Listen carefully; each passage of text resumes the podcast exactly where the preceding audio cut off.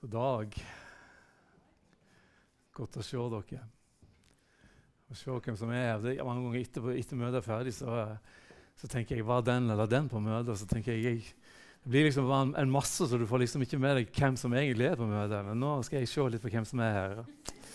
Jeg rapporterer til de som ikke er her. ja. Nei da. Vi skal dele litt av Guds ord. Og eh, dele de tankene som jeg har fått av Gud, som jeg håper skal bli mat for dere òg. Men jeg skal først bare be kort. Takk, kjære Jesus, for at du er midt iblant dere. Og takk for at du har lovt at du vil være med oss, Herre. At du er den som skal lede oss. Du er den som ønsker å være herre i vårt liv, Herre. Du er den som ønsker å være, ha førsteplassen, Herre, sånn at vi, uansett hvor vi står i og hvor vi er hen, Herre, kan få lov til å vite at du går føre, Herre. Er du som baner veien for oss, Jesus. Det priser og takker jeg for. Så må du hjelpe oss, Herre, til å gjøre deg til konge i livet vårt, Herre. At du virkelig får den plass og den tronen som du fortjener i vårt liv, Herre. Det takker jeg deg for. Så legger jeg dette møtet i dine hender. Så ber jeg at du skal vokte min tunge, så ikke jeg tar ordet lenger enn du har tenkt, Herre. Og at det blir til mat og velsignelse i Jesu navn. Amen. Amen. Vi har jo fått en, eh, en heading for dette halvåret, eller det året som ligger før nå, om voksende tro i 2022. Og Det syns jeg er en god heading. En god eh, tanke at troen vår skal vokse. At det skal være liv i den som gjør at den utvikler seg og formerer seg og bli større. og At vi får lov til å kjenne at vi blir tryggere i troa etter, etter hvert som tida går. Eh, men Miriam eller Jonny, jeg vet ikke hvem av de, de har satt en sånn undertittel på denne måneden her, der, der, der står 'Ei tro som tåler livet'. Det er overskriften for denne måneden. Og hva vil det si? Hva er livet? Ja, livet er det som skjer akkurat nå. Når du drar pusten, her som du sitter, de tankene som svirrer rundt i hodet ditt, følelsene du har Livet er så, så, forskjellig. Det er både medgang og det er motgang. Det er glede, det er sorg, det er tvil, det er tru. Det er høye topper, det er, det er dype daler. Det er kjærlighet. Det kan være hat. Ja, det kan være en tid som forkynneren sier for alt. Og Forkynneren 3.1 står det det er en tid for alt som skjer under himmelen. En tid til å fødes, en tid til å dø. En tid til å plante og en tid til å høste. En tid til å drepe og en tid til å helbrede. En tid til å rive ned og en tid til å bygge. En tid til å gråte, en tid til å le. En tid til å sørge, en tid til å danse. En tid til å kaste stein og en tid til å samle stein. En tid til å ta i favn, en tid til å avstå fra famtak. En tid til å lete og en tid til å miste, en tid til å bevare og en tid til å kaste. En tid til å rive i stykker og en tid til å reparere, en tid til å tie og en tid til å snakke. En tid til å elske og en tid til å hate. En tid til krig og en tid til fred. Det er masse forskjellig, men det er en del av det som er i livet. Og livet kan være så fantastisk å leve men så kan det være, være dager i livet som kan være ganske slitsomt. Og livet er sånn for mer eller mindre tror jeg, for alle dere. Gode dager, dårlige dager. Men det er viktig at du og vi kan ha ei tru som er der, og som tåler livet. Som tåler det som vi står oppi, som tåler det som vi møter i vår hverdag. En tru som tåler disse oppturene og nedturene. Og Derfor må vi bygge ei tru som kan være med oss gjennom alt. En tro som ikke er basert på mine følelser, hvordan jeg kjenner og tenker, men som er basert på hva Guds ord sier om meg. Om meg og om deg. Og så kan vi tenke det at eh, Sier Guds ord noe til meg, eller sier Guds ord noe til deg? Ja, det gjør det. Hele denne boka er Guds ord. Og hele denne boka her er skreven til meg og skreven til deg. For det at Utenfor sida her så står det Bibelen, Guds ord. Det vil si at det er Guds ord som står oppi her. Og når jeg blar opp i denne her Bibelen min, og så ser jeg hva det står på neste side, så står det 'Til Kurt Jonny Haaland'. Og da tenker jeg så bra. Det er Guds ord. Og alt det som står oppi her, det står her, det er til meg. Så hvis du ikke har skrevet navnet ditt i Bibelen, så må du gjøre det og tenke deg at alt det som står i denne boka, det er skrevet til deg, og det er skrevet til meg som en hjelp i vår hverdag. Derfor sier Bibelen mye om deg og meg. Og Vi går gjennom forskjellige faser i livet, forskjellige sesonger i livet. Og troa er noe mer enn det å være vellykka og ha suksess. Hvis vi bygger troa på det som vil vi, når vi møter ting i livet, så vil det rakne for oss. For det er ikke bare gull og grønne skoger, det vi møter. Vårt liv, våre dager for, uh, er noen gode og noen vonde. Men det er i motbakke at vi bygger styrken vår. Det er når det går imot oss, at vi kjemper litt, at vi får lov til å kjenne at tro blir prøva, og det blir ei sterkere tro når vi kommer ut av det. Det er viktig at vi ikke baserer vårt liv bare på tro og på motgang, nei, tro og på medgang. Hvis vi lever, og det gjør vi Siden du er her, så lever du. Og sitter her og puster. Og da er det sånn at eh, når dagene kommer imot dere og vi kjenner på, eller Kanskje du sitter og kjenner på det at i dag er en vond dag. Det var vondt å stå opp i dag tidlig. Eller kanskje du kjente det at når du sto opp i dag tidlig, så var det bare halleluja ut av senga og kjenne at det var en deilig morgen å stå opp til. Vi er forskjellige i livet vårt og opplever forskjellige ting. Men Paulus sier det at vi lever i ham. Det er han vi lever. Og det er han vi beveger oss og er til. Apostelgjerningen 1728. For han er over oss. Han er under oss, han er foran oss, han er bak oss. Han omslutter oss med sin kjærlighet. Det er han vi lever. I hvem er han? Jo, det er i Jesus Kristus vi lever. Han er opphavet til selve lyset, eller selve livet. Han sa 'bli lys', og det ble lys. Han kan bare knipse med fingeren.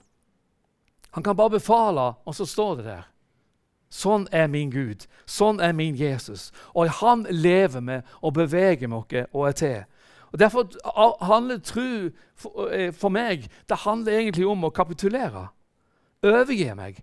Ikke, ikke gi opp, men kapitulere og innse det at mine svar, mine løsninger, min forstand den holder ikke alltid. Men Guds ord, det som står her, det holder uansett. De tankene han har for meg, er større enn de tankene jeg kan ha. De er viktigere enn mine tanker. Og hans følelser for sine barn som er deg og meg som har tatt imot han, de er større enn mine følelser. Derfor må jeg kapitulere. Jeg må overgi meg sjøl. Der jeg vil gi opp, der står Hans ord fast. Og Hans ord blir det ankerpunktet i livet mitt som jeg kan få lov til å feste mitt anker i og kjenne at det holder uansett. Uansett så holder det fast, samme hvor jeg er hen i mitt liv.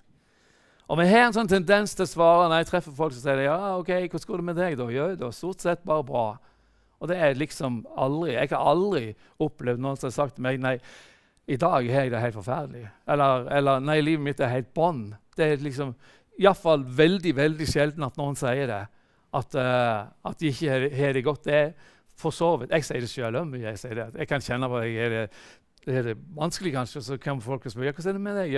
Jeg for så vidt så, så går det greit. Og hva er for så vidt for noe? Det, det er sånn bob-bob.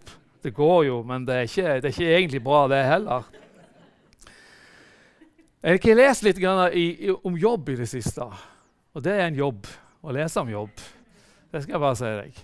Og det er jeg kjent på at det var ikke, det var ikke bare enkelt. Men han har en historie, en fortelling, som står i Bibelen, som forteller oss om en mann som hadde ei tru og ble så velsigna av Gud. Han var den mektigste mannen som fantes i Østen. Og han var velsigna på alle måter. Og Gud elska han. Og Jobb elska Gud. Og det ble til det at han fikk eh, både eh, når det eh, dyr, og når det gjelder folk, og når det gjelder unger, når det gjelder rikdom, når det gjelder hus alt. Han hadde alt det han trengte i livet sitt.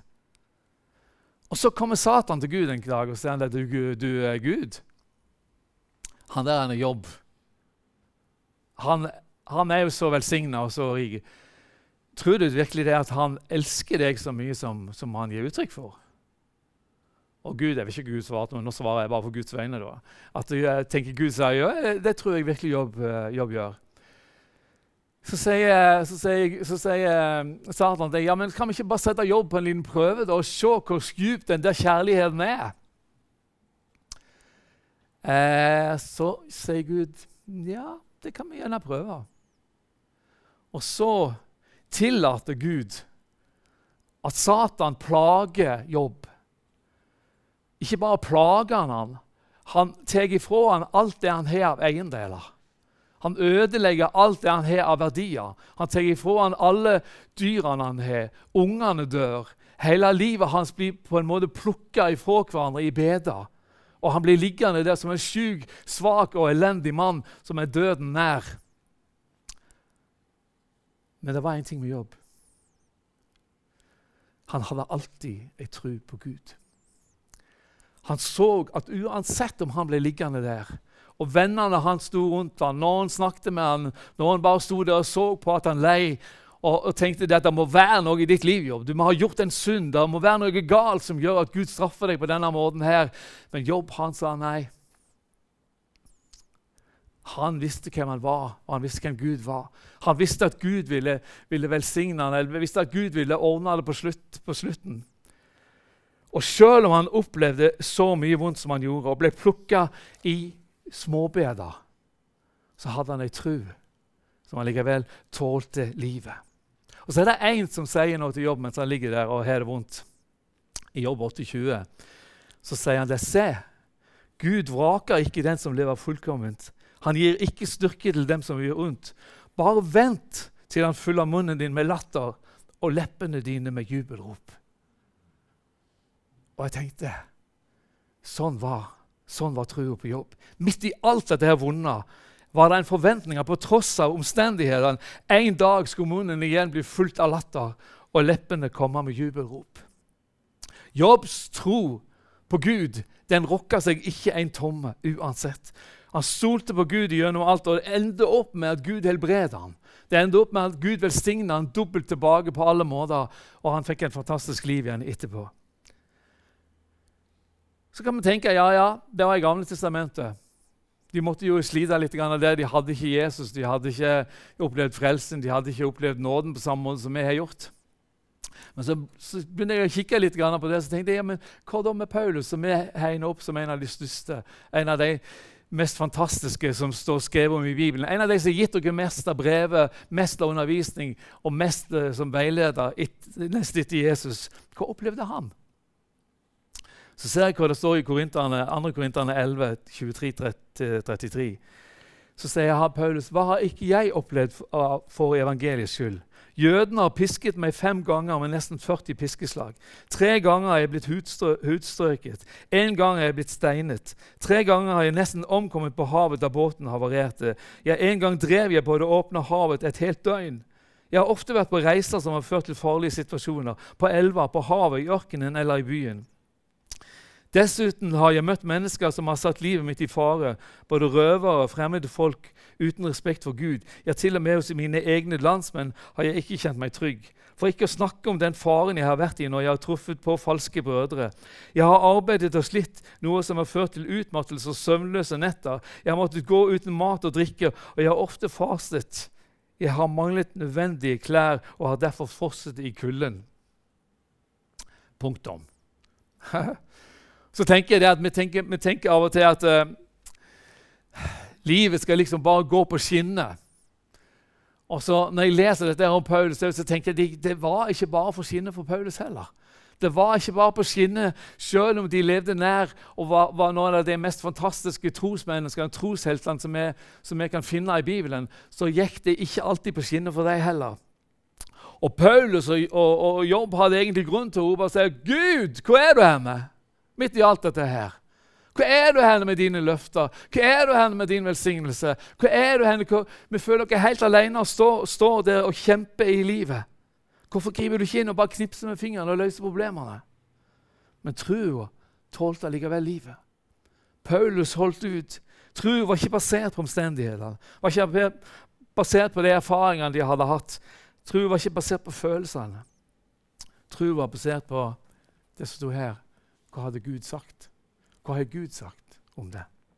Og Noen ganger er det sånn at eh, følelsene våre de varierer jo etter hva vi spiser til frokost, sier de. At vi God dag, god frokost, dårlig frokost, dårlig dag. Eller iallfall litt grann sånn. Men eh, hva da med, med vårt liv? Eh, hva baserer vi livet vårt på? Er det troen vår? Hva er den basert på? Er det følelsene? Er det høyt oppe, eller er det langt nede? Noen ganger så blir vi fulgt med glede over hver Guds barn. Eller vi burde jo gjøre det alltid, da. Men vi, vi, vi leser det at det står at alle de som tok imot ham, de ga han retten til å være Guds barn. sant? Og så er det andre ganger en kan tenke at en gjør ting som en kjenner og føler seg plutselig at nei, jeg er lite verd. Ikke verdig til å være Guds barn. Og så kan du av og til begynne å lure. Holder det? Er god nok? sant? Men ordet forandrer seg ikke likevel. Jeg kan slå opp igjen på samme plassen som det sto at alle de som tok imot den gang retten til å bli Guds barn. Men hvis jeg kjenner meg dårlig en dag og kjenner at jeg, eh, i dag vet jeg ikke helt hvor jeg er, henne, så kan jeg fremdeles stå opp, og da står ikke det da at hvis du føler deg dårlig, så er du ikke Guds barn. Det står fremdeles det samme at de som tok imot ham, er Guds barn. Og Hvis jeg er tatt imot hans Guds barn, uansett hvordan mine følelser er, uansett hva jeg kjenner, hvordan dagen min er, så tilhører jeg Han.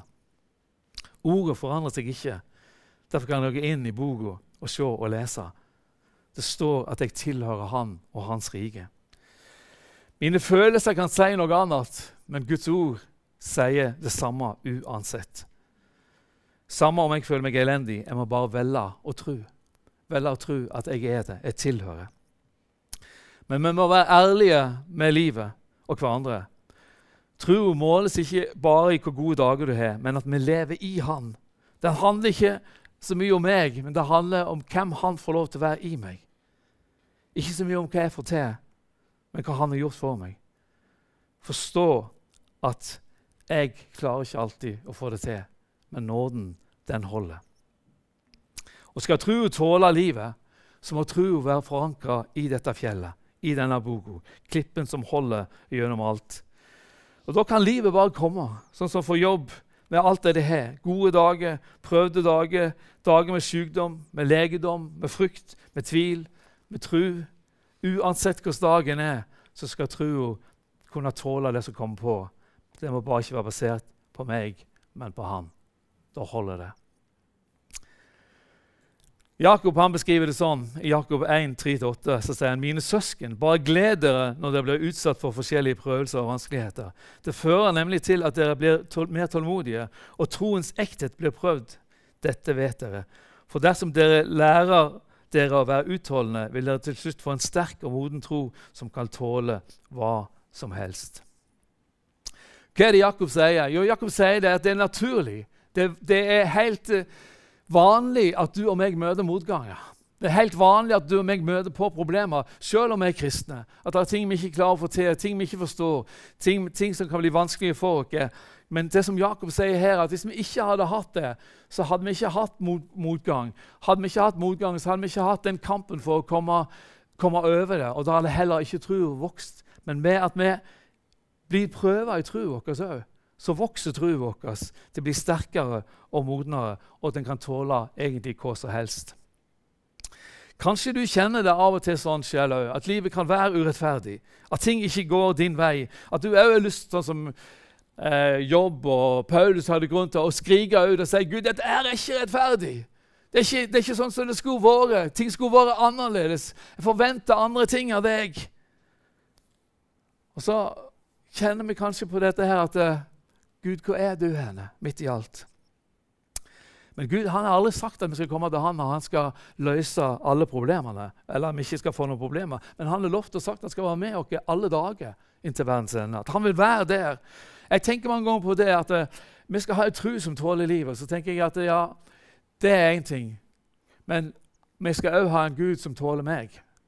Jeg tenker hvem er jeg? Altså, hvor, mye må ikke Gud tåle av mitt liv? Av mine svakheter, av mine ting som jeg gjør feil? Han er det, og han tåler meg. Og Derfor er det så godt å vite det, at uh, jeg òg kan få ei tro av han som tåler livet. Ikke alt som han er like fornøyd med meg. Det var ting som skulle være annerledes, tenker jeg, men han tåler meg. Og Når jeg har sett på Jobb sitt liv og hørt hva Paulus måtte gjennom, og det som troa tålte, og sett hva Jakob sier og mener om motganger, så tenker jeg at eh, du og meg må kjenne av og til at vi lever. Vi kjenner at vi lever, men han vil være der med oss. Han vil være der og gå i hop med oss gjennom alt. Derfor sier Jakob det at eh, Han sier ikke bare at vi skal møte motgang, men han sier 'gled dere'. sier han. Gled dere. For gjør, Motgangen gjør noe med dere, styrker dere og gir dere ei tru som kan tåle hva som helst. Ja, så da tenker jeg at uh, vi må bare tenke sånn at denne uka som kommer nå, hvis det er ting der som ligger som er vanskelig, og, og, og prøvelser som vi vet kommer på, så får vi kjenne på det med ok, vi får prøve, prøve å glede oss og tenke det at vi skal møte det som kommer, men vite at han er med oss, og det som kommer, skal være med og gjøre oss sterkere enn det vi er i dag. Det er sånn som i sangen 'Gjennom alt'. Nettopp da, i disse stunder, Jesus kom og gjorde under. Og Det er mange ganger når det er tøffest, at du kjenner det at, eh, at Gud får komme og gjøre under i livet vårt.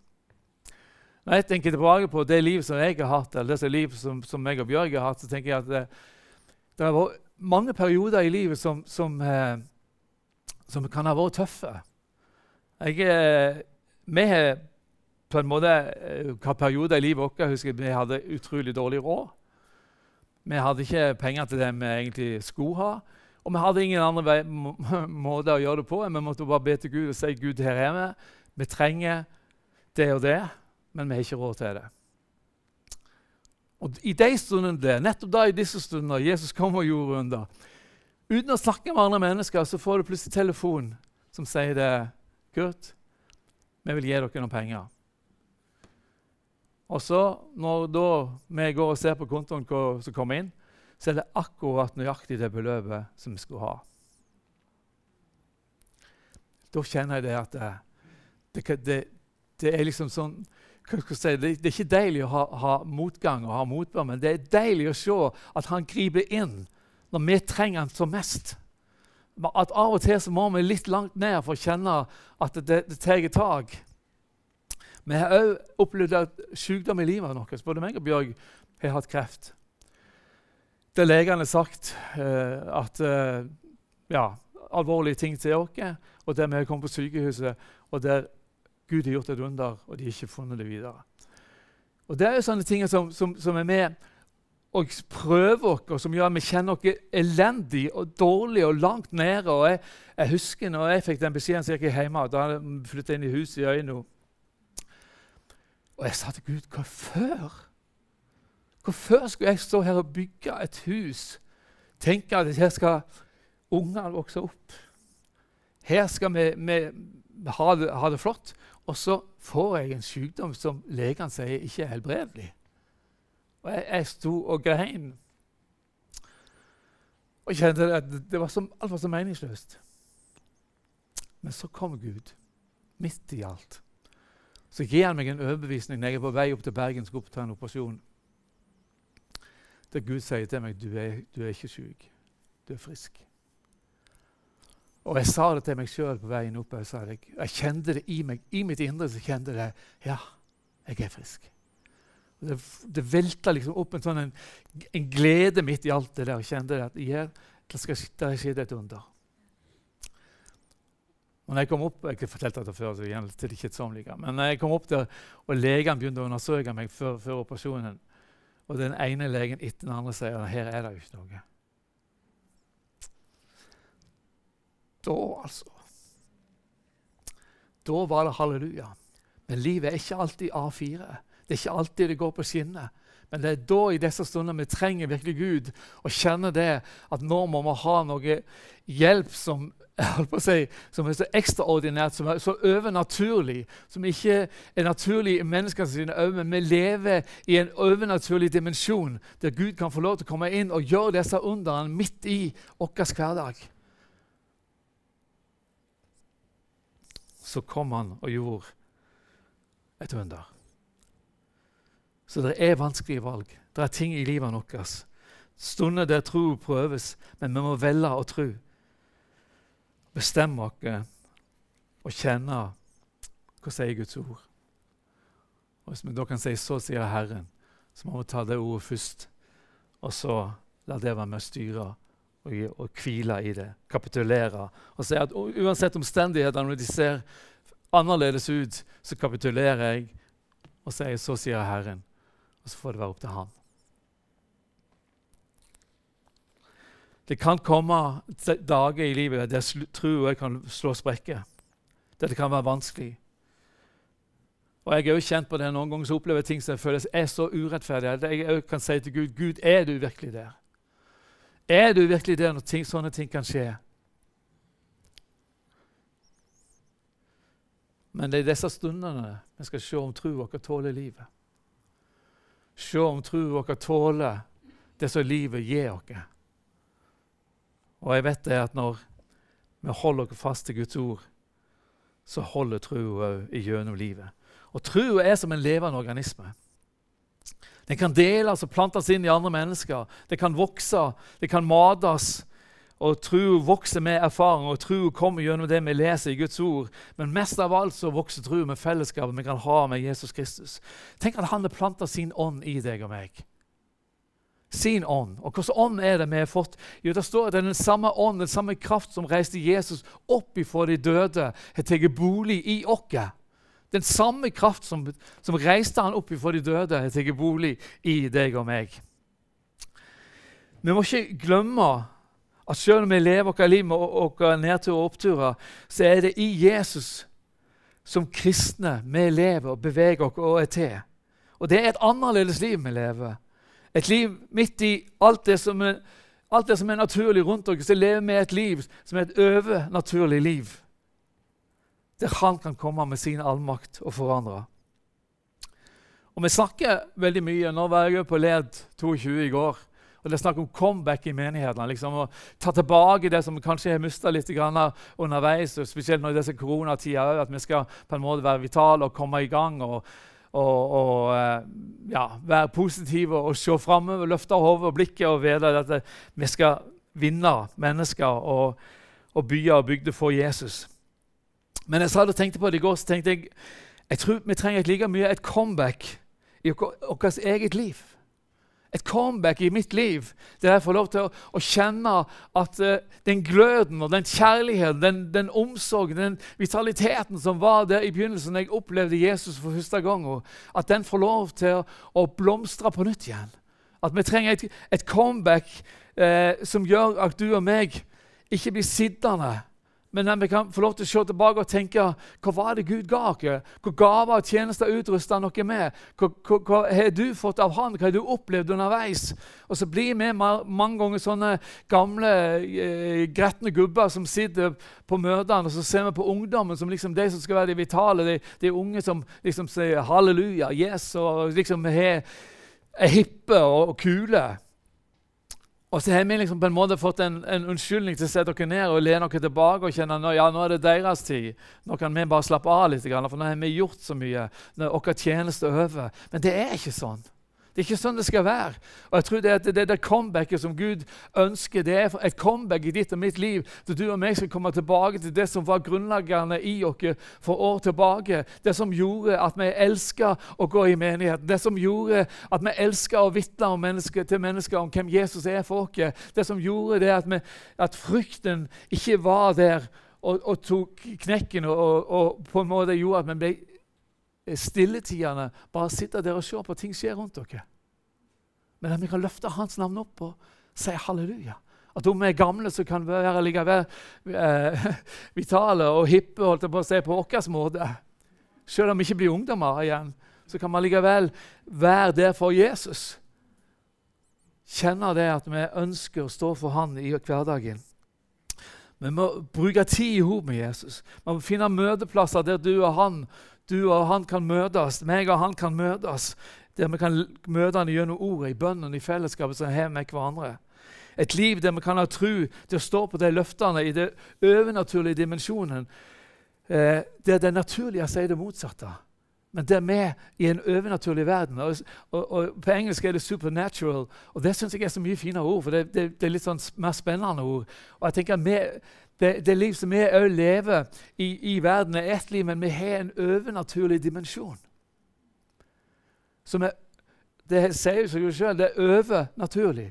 Det er over det som er naturlig. For det er annerledes, og det, og det gjør det som er, er unaturlig, naturlig for oss. For det at Gud er der i det. Et liv der man kan ha tro til å stå på løftene i den dimensjonen. Et liv der vi ser det at det, der det er sykdom, der kommer det helbredelse. Et liv der vi ser der det er frykt, der kommer det trygghet. Et liv der vi ser der det er mørke, så kommer det lys. Der det er hat, kommer det kjærlighet. Der det er noe som knuser, gjør han det helt igjen. Et liv der det er fiendskap, der snur han det til vennskap. Der det er sorg, der snur han det til dans. Der det er krig, der skaper han fred. Og der det er synd, der kommer han med tilgivelse. Vi er ikke som alle andre. Vi er ikke som alle andre. Den hellige ånd gir oss kontakt i en åndelig verden som vi kan få lov til å erfare i en overnaturlig dimensjon. Derfor er ikke du og meg som alle andre. Folk forventer at vi skal være annerledes. At vi skal ha en, en kraft med oss, en autoritet, noe med som ikke er i det naturlige, men som bare fins i det som er overnaturlig. Der Gud vil møte oss, og der Gud vil møte andre mennesker. Den hellige ånd gir oss kontakt i den åndelige verden. Det, du ser, det er alltid et håp. Det er alltid et håp. Det er ikke alltid det går sånn som vi vil, men det er alltid et håp. Derfor må vi la det håpet få lov til å være der, uansett hvor du er i livet. Samme hva du erfarer som din virkelighet. Hvis Guds ord sier noe annet, så stå på Guds ord. Gjør sånn som Jobb. Vær utholdende til latteren igjen fyller munnen din, og til leppene dine igjen blir fylt av lovprisning. Det er håp. Han er med gjennom alt så regner du med Han, så vil du òg ha ei tru som er med og tåler livet. Så vi reiser oss opp.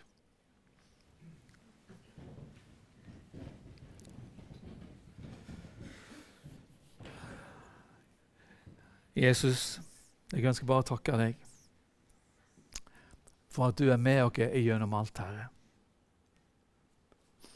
Og jeg ber deg bare, Jesus, at uh, du skal hjelpe oss Herre, til å innvie oss på nytt framfor deg, Herre. Til å si til dere sjøl at jeg ønsker et comeback i mitt liv. Herre. Jeg ønsker Jesus at den gløden som du tente meg med, Herre, en gang Det som jeg fikk lov til å oppleve når du, du ga meg et nytt liv og gjorde meg til en ny skapning, Herre. At den gløden skal få lov til å være der, Herre, og bli bare sterkere og sterkere i livet. At vi ikke Jesus blir kristne som blir sløvere og sløvere, Herre, men at vi blir kristne Herre, som blir sterkere og sterkere, Herre. For vi står på ditt ord, Herre. Vi går gjennom det som er motgang. Vi bygger ei tru, Herre. Vi bygger styrke, vi bygger kraft, Herre. Og så bygger vi en kjærlighet til deg, Jesus, der vi elsker deg framfor alt.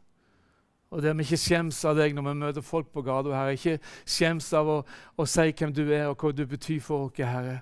Men at vi kan få lov til å proklamere ditt navn, at du er Herre. At vi kan få lov, Jesus, til å si det når vi møter mennesker, Herre. At du kan, Herre. At du er underets Gud. At vi får lov til å bevege oss i en åndelig, overnaturlig dimensjon, Herre som er overnaturlig, som ikke er naturlig, Herre, men som er naturlig for oss som tilhører deg, Herre. Der vi ønsker å se at du beveger deg, at du skaper under og tegn iblant dere, Herre. Det priser og lover deg for, Herre. Så får be deg for alle dere som er her i dag, Herre. At vi får lov til å ta en avgjørelse i vårt eget liv, Herre. Der du gjør et comeback, Herre. Der du tenner opp nådegavene, Herre. Tjenestene, Herre. Der vi kjenner lengselen etter å brenne for deg, Herre, på en ny måte, Jesus. Det er din ånd, Herre, din kraft, Herre, som var med å reise deg opp ifra de døde, Herre, som har tatt bolig i oss, får lov til å fungere i vår hverdag. Til tegn og til under. Til kjærlighet og til glede og til fred. Jeg legger dere bare i dine velsigna hender. I Jesu navn.